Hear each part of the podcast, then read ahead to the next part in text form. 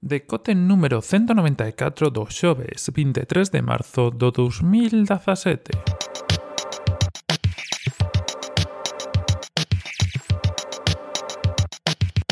Bos días e benvidos a este novo decote. Se onte gastamos todo o decote en Deiriño en falar de Apple e das novas cosas que presentaron, que bueno, hai algún detalle por aí máis, pero así como idea xeral, iso todo porque oides ver en 20.000 sitios, pois estivo ben.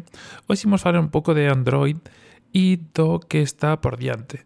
Non de forma tan positiva, quizá deberíamos tamén un pouco máis negativos con Apple de vez en cando, pero eh, o sea, tócanos falar do que vai ser a nova actualización, a nova versión de Android, que, bueno, será Android O, non sei se o lembrades, pero tivemos por aquí un podcast onde falamos de cada versión, dos seus nomes, e, e de todo o que supuña isto. Deixo vos o enlace abaixo na descripción, é un podcast anterior de fai un tempiño, pero bueno, podedes escoitalo e lembrar as versións e os seus nomes. Ou aínda non ten digamos, nome.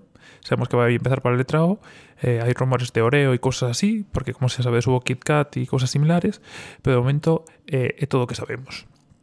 Como os digo, presentouse, saiu a primeira versión para, para desarrolladores e sairá oficialmente pois, entre, dentro de 3-4 versións pois, aí para, para o verán falando desto, eh, o interesante son dúas cousas. Primeiro, as cousas que se presentaron ou as cousas que van a mellorar dentro desta versión.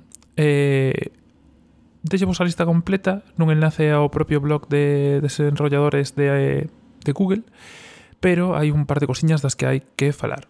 Primeiro de todas.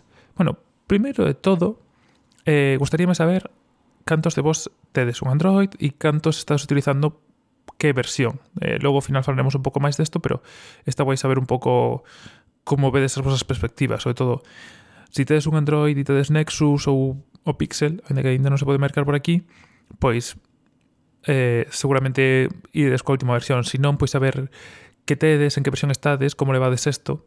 Supoño que que tamén é interesante. Dito isto, cosiñas que se van a meter que son así máis interesantes. Eh, Primeira, límite de aplicacións en background, dicir que están aí por detrás funcionando mentras ti estás facendo outra cousa. Ata agora eh, estaba funcionando un pouco a forza, por decirlo así. Eh, non tiña un límite completo, ainda que había fabricantes que sí que estaban metendo límites e simplemente, pois, cando volvías a ela, pois, si deixou de funcionar, deixou, e si non, non. Neste sentido, vais a parecer un pouco máis a, a iOS que Non sei se o sabedes, pero iOS como funciona que simplemente ten aplicacións por detrás e ele automáticamente vai decidindo que aplicacións pechar ou non. Moitas veces, aínda que aparezca, sabes, como tarea fa de, de iOS é como unha especie de, non sei como chamalo, de cinta, de unha especie de desplegable con tes unha capturiña de todas as aplicacións, aínda que este a captura, logo moitas veces cando está demasiado atrás, pois pues, dáslle e ten que volver a cargar a aplicación isto é porque iOS vai seleccionando naturalmente eh, as aplicacións que siguen sendo útiles ou que pense que vas volver a utilizar ou que utilizaches fai pouco, deixas funcionando e as que non, pois vainas matando ainda que quedan aí nese, nese proceso. Por eso moitas veces en iOS é malo eh, quitar as aplicacións de aí porque digamos que o móvil está xestionando as, as aplicacións dunha forma e ti as estás xestionando de outra e se hai conflictos, pois ao final faz que gaste máis baterías, xa que unhas que tiña apagadas ou as tiñas desactivadas, ti as estás volvendo a activar, e as que non... Bueno, ese tipo de cousas. En Android isto funcionaba un pouco da man dos, dos propios fabricantes, porque xa sabes que Android hai unha parte grande onde meten os fabricantes, eh, E por outro lado, pois simplemente teñai moitas aplicacións e ahora digamos que a xestión vai ser un pouco máis inteligente, un pouco máis similar a iOS, que non ten que ser necesariamente maior, pero bueno, un pouco máis similar e isto pois eh, axudará a xestionar mellor todo o que está pasando por aí detrás. Outras melloras quizá máis interesantes é o tema das notificacións. As notificacións, pois, ata agora, se non me equivoco, iban un pouco aí a feixe, agora vai permitir crear grupos, canales, que lles chama, para xuntar varias notificacións todas xuntas. Así, por exemplo, se son notificacións de novas, vai permitir crear eh, grupos de notificacións sobre tecnoloxía, notificacións sobre diferentes temas, para poder, pois, eso, en vez de que cada aplicación saque todas as notificacións, poder que xestionar incluso dentro de cada aplicación grupos de notificacións, xa que, bueno, por exemplo, que é o exemplo que poñen eles, se é unha aplicación de novas, pois poder ter notificacións sobre un tema, notificacións sobre outro tema separadas para, bueno, poder xestionalas mellor. Outras cousas que a moitos vos sorprenderá seguro e que se vai incluir é o tema do picture in picture ou a ventada de vídeo normalmente flotante. Eh, estou seguro que moitos de vos xa viu isto funcionando en Android, aínda que, eh, se non me equivoco, viu con un dos Samsung eh, Galaxy eh, se non me equivoco, co 4 ou por aí, cunha das últimas versións do Samsung Galaxy, pero era un engadido propio de Samsung, que todo hai que decir non tivo moito moita repercusión nos, nos desarrolladores, pero bueno, ahora chega de forma oficial eh, en Android e o que vai permitir é o mesmo. Teño bastantes dúbidas sobre este modo porque non sei se sabedes, pero na última versión de de MacOS eh, tamén hai este este formato, esta versión e non vi moito moitas aplicacións facer uso del, debo decir. Non sei se aquí vai ser diferente, non sei se nos dispositivos Samsung se está facendo moito uso, polo que eu sei non, pero bueno, está ben que metan isto eh, directamente eh, no código para que calqueira sexa do que sexa, pois poda poda facer. Evidentemente, eh, estas tres cousiñas que, que vemos non responden a todos dos grandes problemas ou das grandes cuestións que ten que resolver Android, que son evidentemente a seguridade e as actualizacións e que eh, van un pouco da man unha de outra. E van da man porque eh, o problema que hai con Android e coa diversidade do mercado e de que todos os fabricantes poden facer novas versións e, bueno, novas versións, podan facer versións personalizadas e propias de, deste sistema operativo, ven que cando se detecta algunha falla, algunha anomalía, como é normal, nun sistema operativo que está pois, pues, con, mellorando e, e, e traendo cosas novas cada pouco, é que evidentemente isto require unha actualización para todos os dispositivos que subsane esa, ese problema. O tema ben que o non estar todas as actualizacións na man de Google, sino que están independentemente eh, na man de cada un dos fabricantes, e que cada fabricante ten que adaptalo para o que fixo eh, con co sistema, esas personalizacións, esas cousas, pois eh, moitas veces esa, ese erro, esa falla, pois non se sustana porque non chega a actualización que a susane.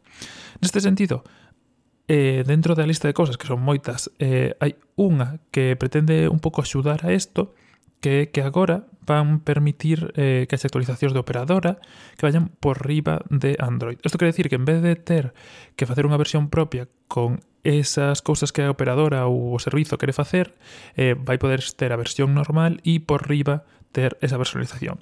Isto está ben, pero eh, vai ter outros problemas cos que loitar. E que está ben, non é suficiente, e chega nun momento un pouco complexo. Por eso Eh, deixo vos na descripción tamén, eh, ademais de os enlaces para, para ver todo bueno, todo o que vos vou dicindo no blog de Android e similares, como digo, as lecturas recomendadas, deixo vos tamén un artigo de Se Android onde falan un pouco do que está sendo o despliegue de Android estes últimos anos. Eu creo que aquí é o maior problema e ao final vai ser eh, un problema que de non atacar de raíz vai acabar implicando cosas no futuro.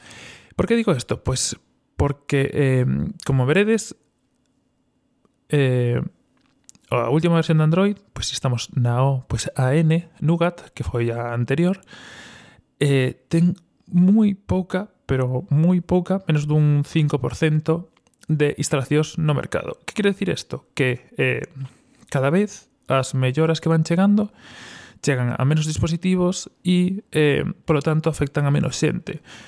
Que quere decir isto? Que cada vez que eh, se hai unha mellora para intentar susanar o anterior, chega a menos xente e, polo tanto, pois susana menos.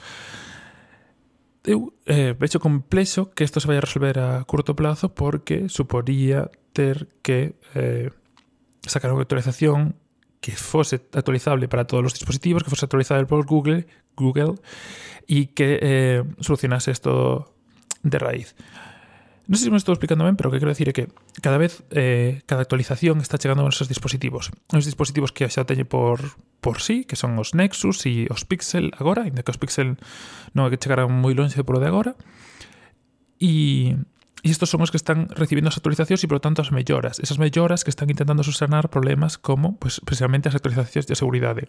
Como estas actualizacións non están achegando a todos os dispositivos, porque non todas as empresas queren gastar o tempo e os esforzos en facer esta actualización ou que os seus dispositivos sean compatibles con as novas actualizacións, o que está facendo é que as melloras que axudan a, a que chegan as actualizacións a máis dispositivos ou que sexa máis sinxelo, non chegan os dispositivos que o necesitan.